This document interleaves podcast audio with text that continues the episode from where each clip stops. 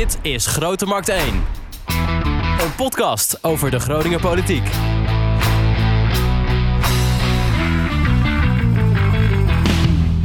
Welkom bij Grote Markt 1, de lijsttrekkersinterviews. Op woensdag 16 maart zijn er verkiezingen. En tot die tijd spreken we elke dag een lijsttrekker van een deelnemende partij aan die verkiezingen. Ik ben Wouter Rolsappel en ik doe dat samen met mijn collega Echo van Oosterhout. Dag Wouter. En vandaag te gast bij ons in de studio van D66, Tom Rustenbiel. Welkom. Dankjewel.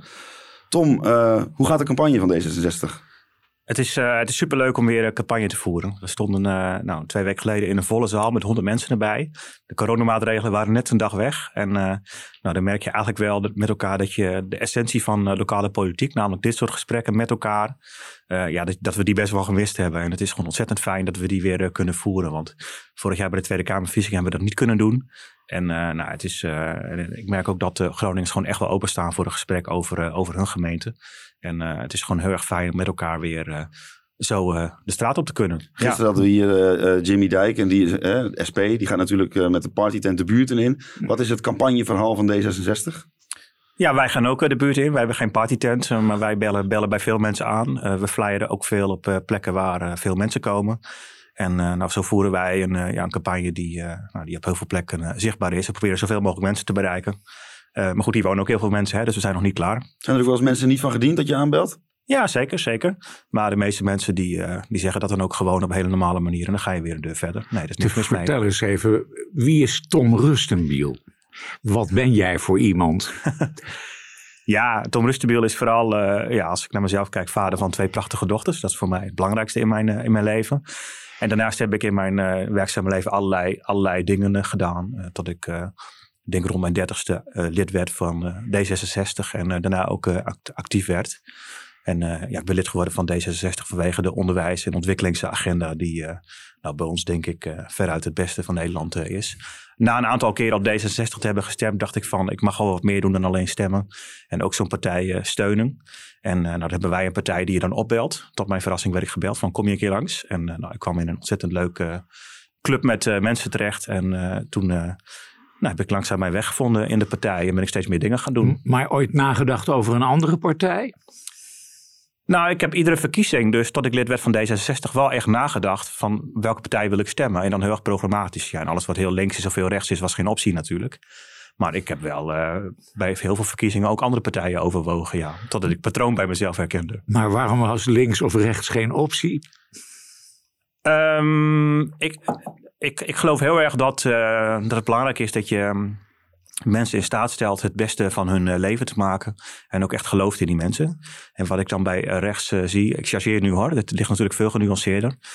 dat rechtse partijen het mensen te veel aan hun lat overlaten. En dat linkse partijen eigenlijk wel weten wat goed is voor die mensen. Of met allerlei regelingen voor die mensen dan hun het leven wat makkelijker proberen te maken. En ik denk dat voor mij ook mee heeft gespeeld is uh, mijn hele onderwijsloopbaan, die zich van een MAVO tot een postdoctoraal heeft afgespeeld. Waarin ik eigenlijk allerlei verschillende mensen uit verschillende lagen van de samenleving heb gezien.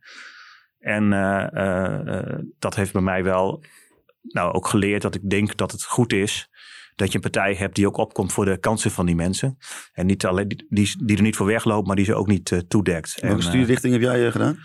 Ja, ik heb van alles gedaan. Ik heb eerst nog een half jaar eh, grondweg- en waterbouw gedaan aan het Noorderpoort College. Toen marketing en communicatie, ook aan het Noorderpoort College. Eh, toen een uh, HBO communicatie aan de Hans Hogeschool.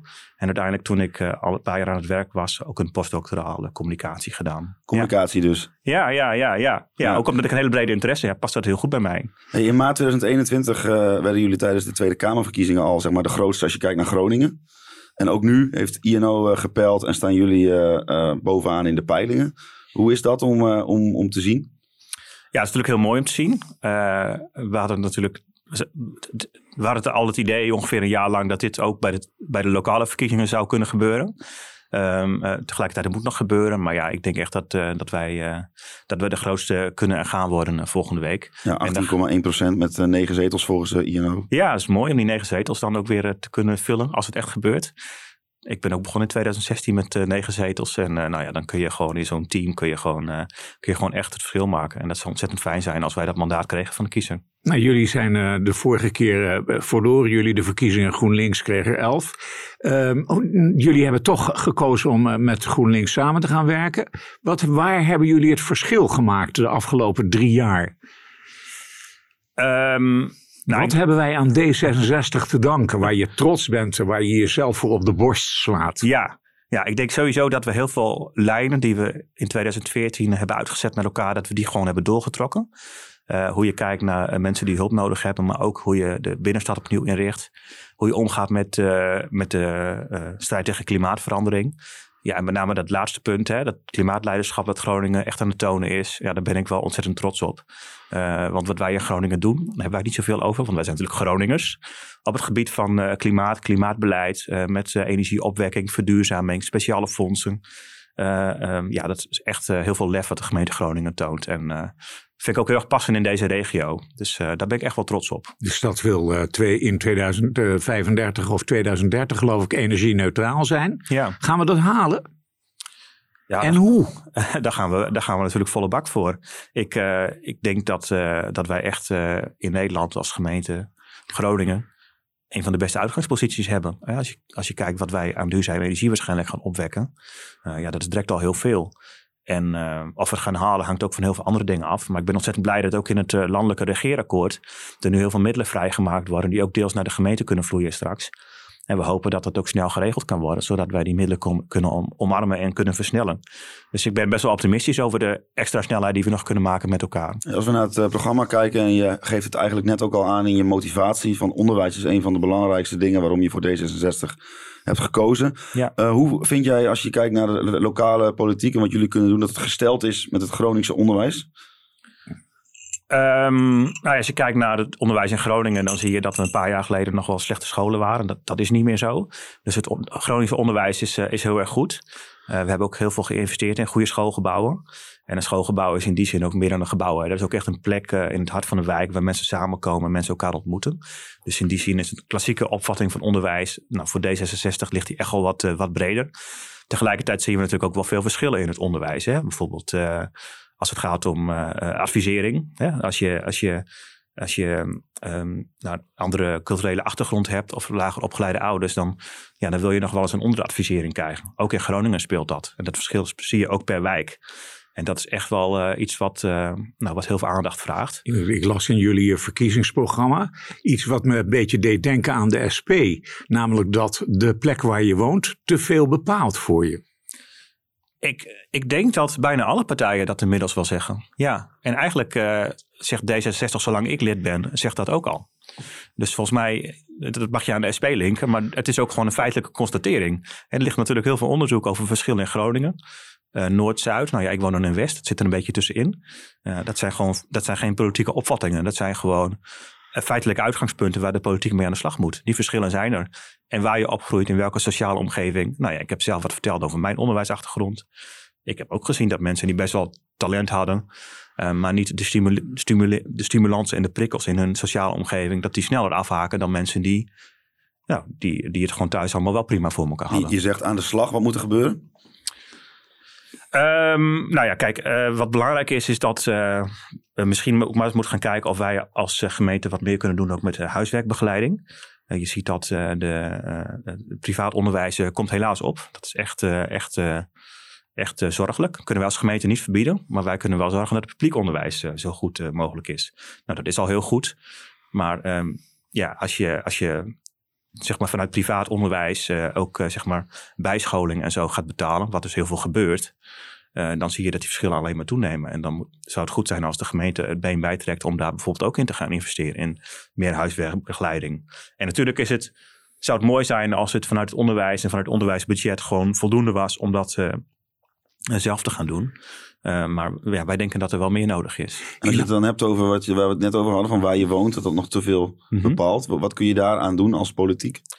Ja, daar kun je dus, kun je dus meerdere dingen aan doen. Sowieso moet je kijken naar hoe bouw je gemengde wijken. Goed, dat is een transitie die, die, die duurt decennia. Dus zorg er nou voor dat je niet uh, uh, wijken uh, achter de, achter de, nou ja, achterop laat, laat lopen. Hè? En daarom hebben we nu dus ook die wijkvernieuwing. En daarom is het dus ook juist wel goed om proberen bevolkingsgroepen in een wijk te mengen. Zodat de kinderen elkaar van verschillende achtergronden ook weer ontmoeten. Kom zelf uit een dorp. Nou, dan heb je dat ook gewoon veel meer. Hè? Dan heb je ook veel meer dat nou, iedereen die in zo'n dorp woont gaat dan naar de christelijke of naar de openbare school.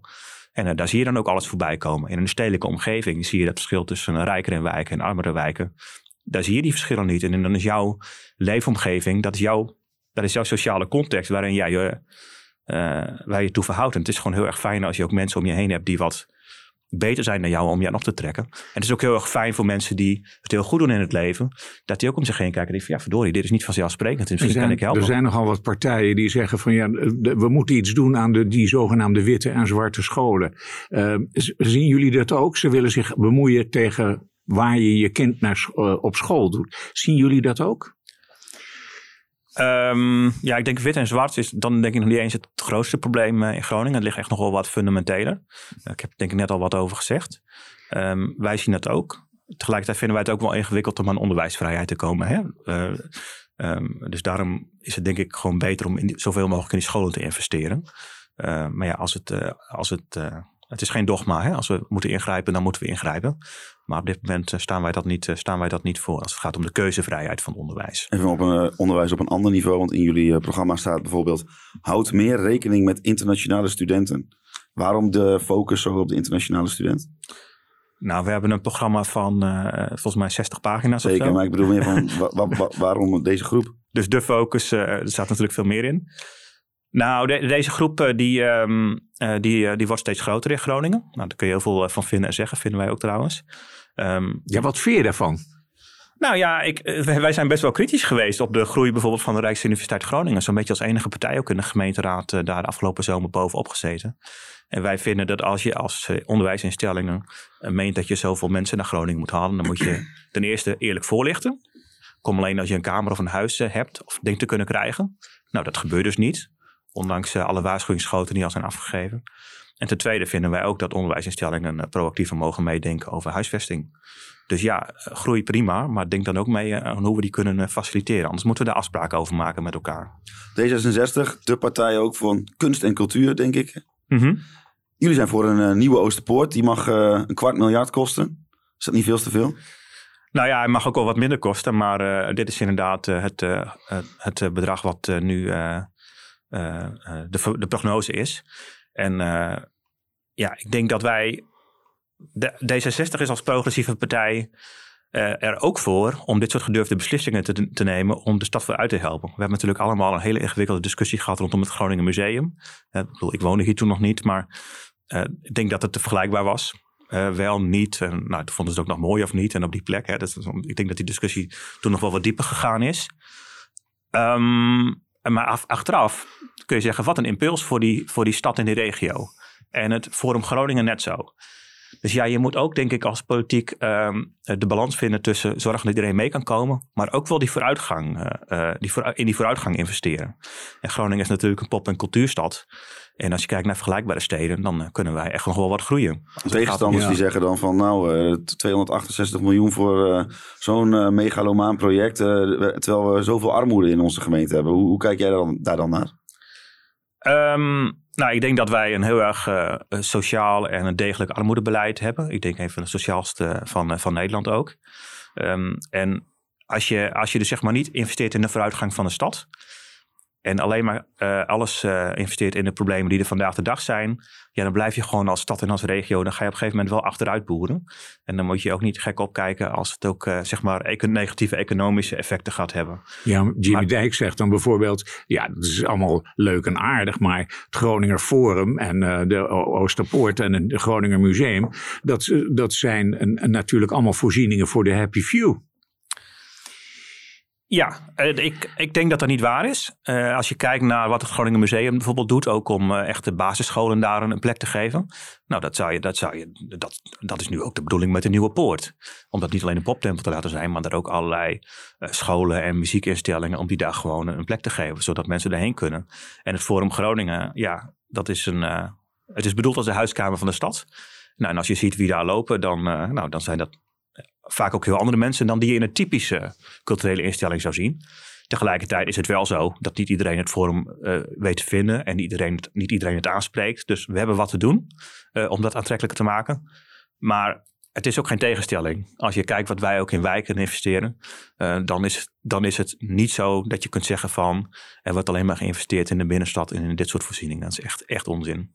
Als we kijken naar bijvoorbeeld gezondheid, welzijn, weerbaarheid, zeggen jullie laat kinderen gezond en veilig opgroeien. Uh, speelt het armoedebeleid hier bijvoorbeeld ook een rol in? Ja, ja ik, uh, ik, ik weet best wel wat van het intergenerationele armoede. En ik denk als je armoede effectief wil aanpakken, is dat je, dan moet je ook juist bij die kinderen beginnen. Ik heb net al wat gezegd over de plek van de school in de wijk. Um, en uh, sport en cultuur. Het zijn allemaal plekken waar die kinderen elkaar kunnen ontmoeten en zich kunnen ontwikkelen. En ik denk wat wij aan het eind van de vorige collegeperiode hebben gedaan met die vroeg- en voorschoolse educatie, die gratis kinderopvang voor uh, nou ja, bepaalde inkomensgroepen. Ik, dat is wat mij betreft de meest fundamentele beslissing die deze gemeente de afgelopen, nou misschien wel tien jaar heeft genomen. Omdat je daarmee kinderen die normaal niet naar de opvang gaan, uh, een positie geeft tussen kinderen die het normaal wel doen. En wij weten wel welke kinderen dat zijn. Hè? Dat zijn de kinderen van, uh, van welgestelde ouders die gaan wel naar die opvang. En de uh, kinderen van mensen die thuis zitten, die gaan niet naar die opvang. Dus door dat te doen, en dat moet je echt even 10, 15 jaar volhouden. Ja, dan, dan kun je denk ik wel naar een ander soort samenleving toe. Alleen de vraag wel voor houdbaarheid en geduld. De armoedeproblematiek die hebben wij niet opgelost in, uh, in vijf jaar. Nee, wij, wij hebben dus een wethouder, Isabelle Dix. Jullie zijn daar uh, twee weken geleden, waren jullie best behoorlijk kritisch eigenlijk op het armoedebeleid in de stad uh, Groningen. Want het, ja, volgens de echte criticasters, zoals de SP, die zeggen ja, er, er, er, gebeurt eigenlijk helemaal niets. Er is niets vernieuwends aan het armoedebeleid op dit moment. En heb je het nu over het plan wat Isabelle Dix... Dat is, daar hebben we het over het plan van Isabelle Dix. En jullie waren daar heel kritisch over. En de Partij van de Arbeid was er ook heel kritisch over. Uh, maar daar blijft het een beetje bij.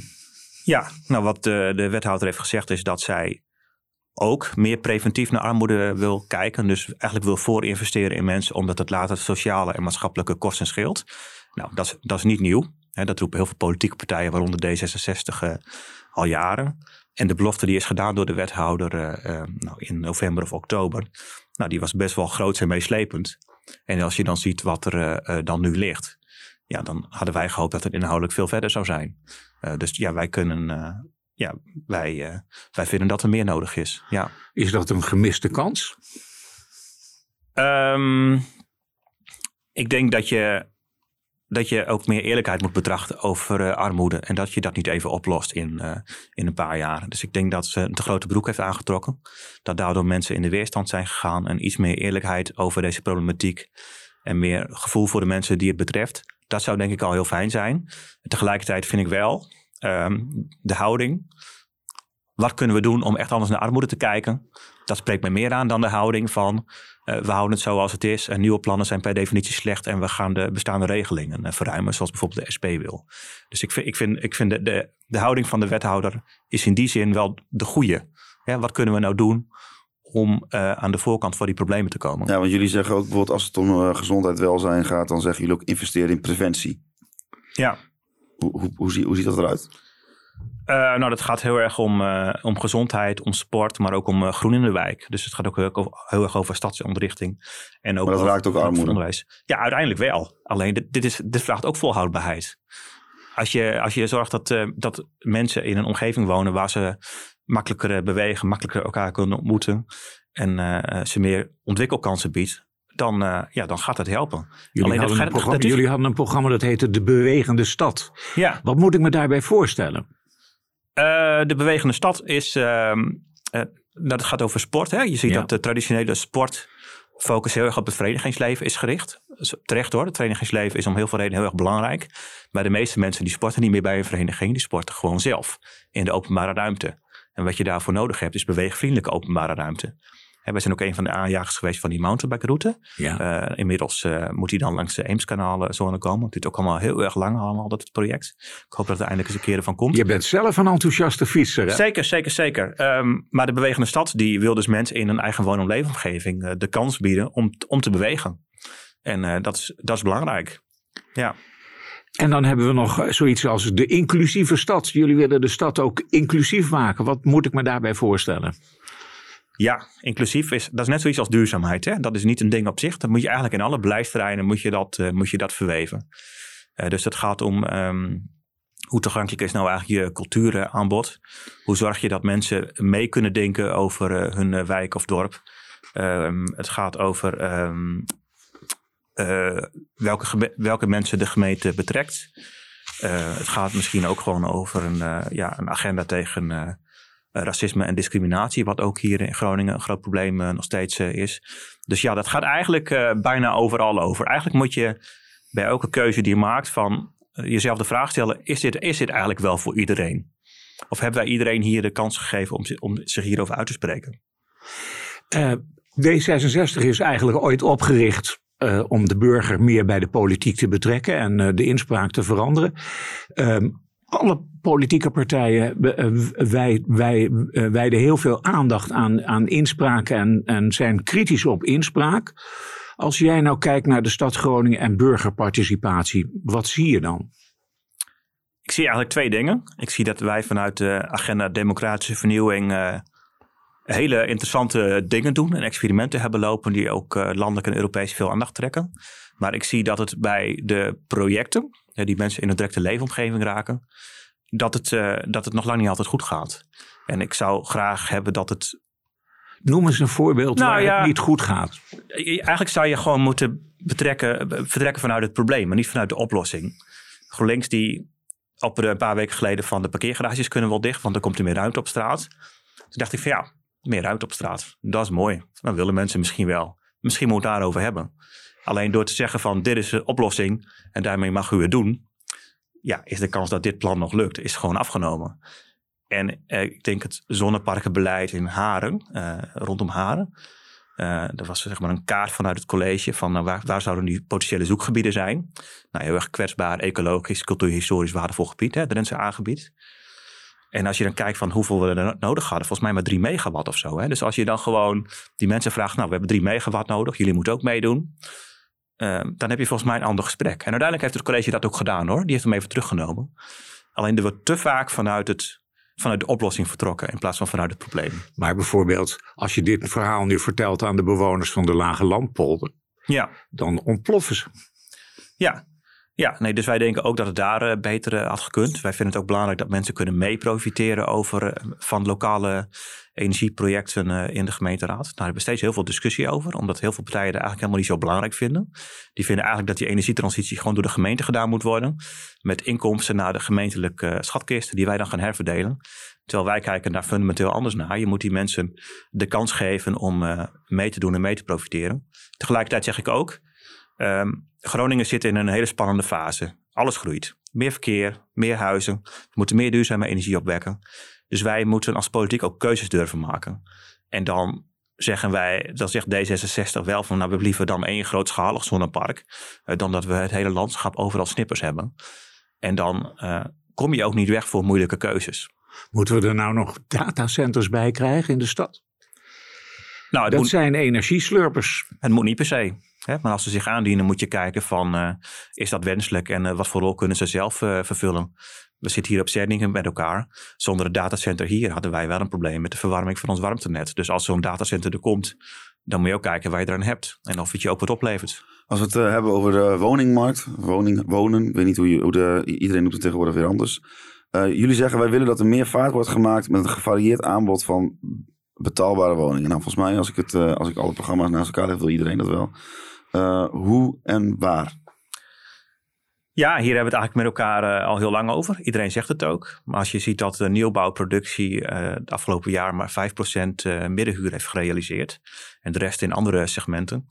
Dan denk ik dat je niet alleen maar meer op sociale huur moet sturen, maar ook op dit segment. En dat, dat, heeft, dat heeft het college echt wel laten lopen. En vorige colleges ook. Terwijl, dit is heel ingewikkeld hè. je kunt niet zomaar zeggen we gaan meer bouwen en dan is alles opgelost ja, er moet meer gebouwd. En volgens mij kan het soms ook echt wel sneller.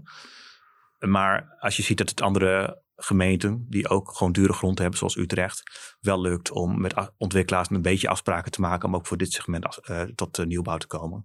Dan zou Groningen dat toch ook moeten kunnen. Is snelheid nou het kernwoord? Ja, snelheid is wel belangrijk. Hè? Bijvoorbeeld, uh, ik woon dan uh, woon in de Held. Daar ligt al sinds 2009 een bestemmingsplan om dat uh, uit te breiden.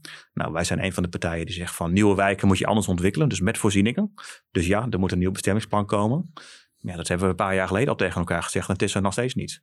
En de stad Groningen is al jarenlang, zeg maar, uh, lopen hier allemaal huisjesmelkers rond en daar wordt ook veel tegen geageerd. Het is niet, bepaald niet een onbesproken onderwerp. Uh, wat moet eraan gebeuren? Wat gaan jullie daaraan doen? Aan huisjesmelkers? Ja, ja. die, ja. laten we zeggen, die leggen uh, ook een druk op de woningmarkt. Zeker. Zeker. Nee, je moet dus twee dingen doen. Je moet en nieuw bouwen en reguleren. En we zien dat in de gemeenteraad, de, met name de VVD, dan zegt van nou, we bouwen alleen maar nieuw en dan is het allemaal klaar. Terwijl ik soms linkse partijen hoorde ik van ja, die willen alleen maar sociale huurwoningen en de markt reguleren. Maar daarmee komen we er ook niet, hè? We moeten wel beide doen. En wij vinden ook dat er meer regulering moet komen vanuit de overheid en vanuit de gemeente op die markt. En de opkoopbescherming die voorkomt dat uh, huizen worden opgekocht om snel te verhuren, die is ingevoerd uh, uh, begin deze maand. Dat is bijvoorbeeld al een hele goede. we hebben een, een vergunning voor verhuurders. Um, hebben we ook als eerste gemeente in Nederland hebben we die ingevoerd. Nou, er, is nog nooit, er is nog nooit opgetreden nee, op basis nee, nee. van die verordening. Nee, dus, nee precies. Hè, dus dat is een, een, goede, een goede constatering. Dat is ook wat je vaak ziet. De gemeente Groningen heeft echt de neiging om te roepen van... we moeten alles reguleren.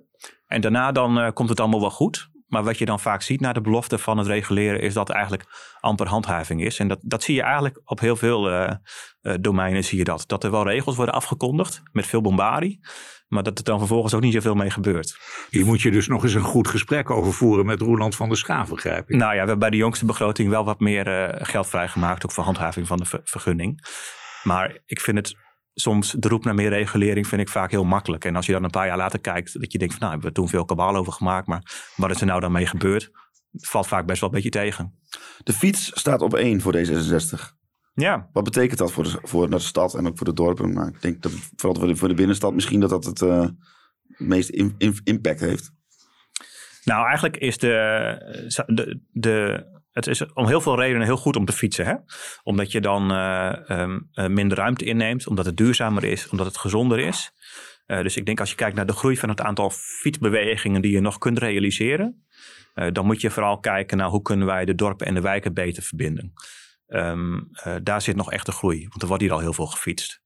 En uh, de agenda die samen met de provincie er ligt om die snelfietspaden en die fietspaden uit te breiden. En ook de opkomst van nieuwe fietsen, hè, speed pedelecs, maar ook e-bikes.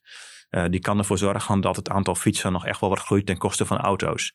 En dat willen we echt heel graag stimuleren, omdat het om heel veel redenen heel goed is voor de gemeente. En hoe ziet dan jouw ideale binnenstad eruit, als je vrij mag dromen? Want ik zie alleen maar fietsen namelijk. Ja, ja nou, ik hou zelf nogal van fietsen. En soms jullie, dan, hadden, en soms jullie hadden een wethouder, Paul de Rook, ja. uh, D66. En die riep heel ferm, stop de fiets-ASO. Ja. Kijk in de binnenstad en zie uh, uh, hoe, hoe mensen zich door de fietsen heen worstelen. Daar moet ook iets aan gebeuren. Ja, ik weet niet. Volgens mij was dat nog deze collegeperiode. Dat, dat, uh, dat, dat, dat, dat, was de wethouder, niet onze wethouder. Nou, maakt ook niet uit verder. Ik vond dat terminologie niet zo, uh, niet zo uh, fijn. Want zo, zo betrek je niet mensen bij wat je wil oplossen met dat soort... Nou, hij bedoelde gewoon Termen. mensen die niet nadenken Nee. over waar ze hun fiets neerzetten. Nee, dat is ook zo. Hè? Dus uh, uh, ik denk eigenlijk als je ziet, dat hebben wij wel goed gedaan. Investeren in stewards, uh, die hebben, dat heeft gewoon een effect. Als je nu op de grote markt kijkt s'avonds, staat hij helemaal vol fietsen en die staan allemaal netjes op een rij. Nou, dat was tien jaar geleden was dat niet zo. Hè? Lagen ze overal neergekwakt. Dus ja, we hebben nog steeds wel wat te doen met ruimte maken voor fietsen en fietsparkeren. Maar ik zie ook dat er echt al heel veel gedaan is. En uh, dat er in de fiets in de binnenstad echt veel beter geparkeerd wordt dan een paar jaar geleden. En auto's? Meer auto's weg uit de binnenstad? Ja, ik denk dat we op een aantal plekken kunnen kijken of we nog wat meer auto's kunnen weren. En de diepering? Bijvoorbeeld langs de grachten.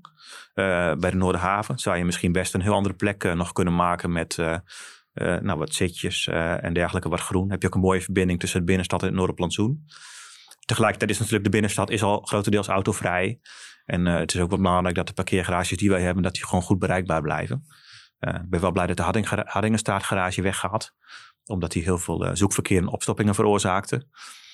maar de binnenstad moet wel bereikbaar blijven voor auto's, maar dan wel aan de rand. En dan anders verder. Dan hebben we het over de bereikbaarheid van de stad bijvoorbeeld. Zegt de NS, kondigt trots aan dat de reistijd naar Groningen met één minuut bekort is. Hoe kijk je daar naar, naar zo'n bericht? Ja, dat is heel erg technisch. Ik snap dat het voor hun een hele prestatie is. Want uh, dit soort uh, veranderingen die, uh, die zijn heel erg ingewikkeld. Ben je dan ook blij? Nou nee, maakt me niks uit. Ik vind het ook een beetje, komt een beetje knullig beeld uit naar voren. Ik ben gewoon hartstikke blij dat wij nu ook met elkaar, heb ik zelf nog een amendement voor ingediend bij D66, die lelielijn in dat programma hebben. in het regeerakkoord. Dus volgens mij moeten we daar, daar heel blij mee zijn. En dit, dit soort dingetjes, ja, ik denk gewoon wat een knullige communicatie. Ik snap wel dat het voor jezelf een prestatie is hoor, om dat zo te regelen in het spoornetwerk dat dat lukt. Maar... Hey, tot slot over uh, mobiliteit. ja. Kan de, de echte autoliefhebber nog wel bij D66 terecht? Ja, natuurlijk. En kijk, het, het, het, beeld, het beeld ligt een beetje op onze partij uh, en ook op dit college dat wij overal de auto's weg willen hebben. Maar kijk, heel veel wijken in Groningen, uh, daar kun je gewoon nog met de auto prima komen. Dat zijn huizen die een oprit hebben. Maar wij kunnen niet overal uh, mensen uh, uh, een, fijne woonplek geven die één of twee auto's hebben. maar ja, volgens mij hebben inwoners van Groningen en ook mensen die in Groningen willen wonen gewoon keuzevrijheid. Als jij belangrijk vindt dat jij een goede autobereikbaarheid hebt, ja, dan moet je niet in de binnenstad gaan wonen. Dan kun je prima in een van onze randwijken wonen. En dan gaan wij als gemeente ervoor zorgen dat je heel snel de ringweg op en af kan, zodat je niet die stad door hoeft. En uh, dan kun je gewoon prima in Groningen wonen. Maar niet overal. Volgens mij heel gezond. Is Groningen gezond, maar is Groningen ook veilig? Is Groningen een veilige stad?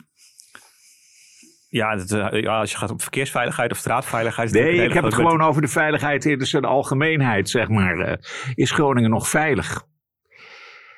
Ja. Als we het hebben over de orde, over de misdaad, uh, ondermijning, uh, is Groningen een veilige stad? Ja, Groningen is een van de veiligste steden van Nederland. Maar wij zien wel met elkaar een, een trend uh, als het gaat om straatcriminaliteit en dingen die gebeuren in bepaalde wijken. Dat, dat er een verharding optreedt en dat, dat heeft echt aandacht nodig. Nou, de burgemeester wil bijvoorbeeld heel veel camera's ophangen. Ja. En zijn jullie niet zo voor? Nee, nou ja, in Rotterdam hangen de meeste camera's van Nederland. En daar zijn ook de meeste gevallen van straatintimidatie. Dus nee, ik ben niet, wij zijn niet dogmatisch tegen camera's. Alleen dan moet er wel een goed voorstel komen met waarom dat gericht op die plek nodig is. En, en er wordt te makkelijk gedacht van meer camera's en dan wordt het overal veilig. Het blijkt echt helemaal nergens uit. Op zijn best verplaats je het probleem. Maar ja, politie, uh, justitie, iedereen zegt dat. Tenminste, dat is dan wat, uh, wat bijvoorbeeld de VVD zegt. Dus, politie wil het, justitie, schuiling. Waarom dan niet? Nou ja, ik zeg wel eens dat het verschil tussen een, een liberale partij en de VVD. Hè? Wij vinden gewoon niet dat de overheid zoveel controle moet hebben op, op straten en um, overal camera's moet ophangen. Natuurlijk wel als er een goed verhaal is. Wij hebben ook wel ingestemd met uitbreiding cameratoezicht als het nodig was. Maar als een uh, oplossing voor alles, om alles maar in de gaten te kunnen houden vanuit de overheid, ja, daar, daar zijn wij niet zo voor. Uh, nou, uh, wat denk jij wat de verwachting is, zeg maar? Wat, wat gaat het worden? Hoeveel zetels? Nou, ik hoop dat wij onze acht, acht, of negen zetels kunnen halen volgende week. Negen zetels zal heel mooi zijn. Ik ben zelf ook begonnen toen we negen zetels hadden. En het heeft echt een mooie, met een mooie club mensen het verschil kunnen maken. Als je dan zo de, de, de peiling ziet en je telt die zetels bij elkaar op, D66, GroenLinks, PvdA, ChristenUnie. Ja, dat is uh, op de donderdag na de verkiezingen gewoon tekenen bij het kruisje. Nou nee, wij kijken uh, als middenpartij naar links en naar rechts uh, als er samengewerkt moet worden. Wij sluiten niemand uit. Behalve partijen die xenofobe op, opvattingen hebben, die sluiten wij wel uit. En verder moeten we echt een open gesprek met elkaar hebben. Maar als ik nou zeg, dit, dit college, het huidige college met iets andere verhoudingen. Twee uh, wethouders voor D66, twee voor GroenLinks, één voor de Partij van de Arbeid en één voor de ChristenUnie. Hoe ver zit ik er dan naast? Nou, dan kunnen we prima even, we kunnen prima even een wetje over afleggen. En dan uh, kijken over uh, een maandje of twee wat er, wat er vanuit is gekomen. Ja, maar ik bedoel, wat Wouter zegt is natuurlijk waar. Jullie kunnen gewoon, woensdag is de uitslag en vrijdag kunnen jullie aan de slag, toch? Ja, maar ik heb uh, heel fijn samengewerkt met deze partijen, maar ook met andere partijen. Ook in de vorige collegeperiode hadden we een iets andere coalitie. En daar kijk ik ook met veel plezier op terug. Hoe uh, kunnen we nog spannende dingen verwachten de komende dagen in de campagne? Ja, geen idee. Ik hoop dat het echt vooral ook echt over gemeenteraadsdingen gaat de komende week. want er speelt heel veel in, in het land en in de wereld. En ik moet zeggen, dat, dat raakt mij ook wel. En dat relativeert heel erg waar je mee bezig bent. Maar het geeft je ook wel het gevoel dat het wel mooi is dat wij straks gewoon mogen zeggen met elkaar wat wij vinden van Groningen. En uh, daar kijk ik gewoon heel erg naar uit. Succes nog de komende dagen. Dankjewel. En bedankt voor je komst uh, naar de studio. Dit was de aflevering van uh, Grote Markt 1 met lijsttrekker Tom Rustenbiel van D66. En morgen zit op zijn plek Karine Bloemhoff van de Partij van de Arbeid. Tot de volgende.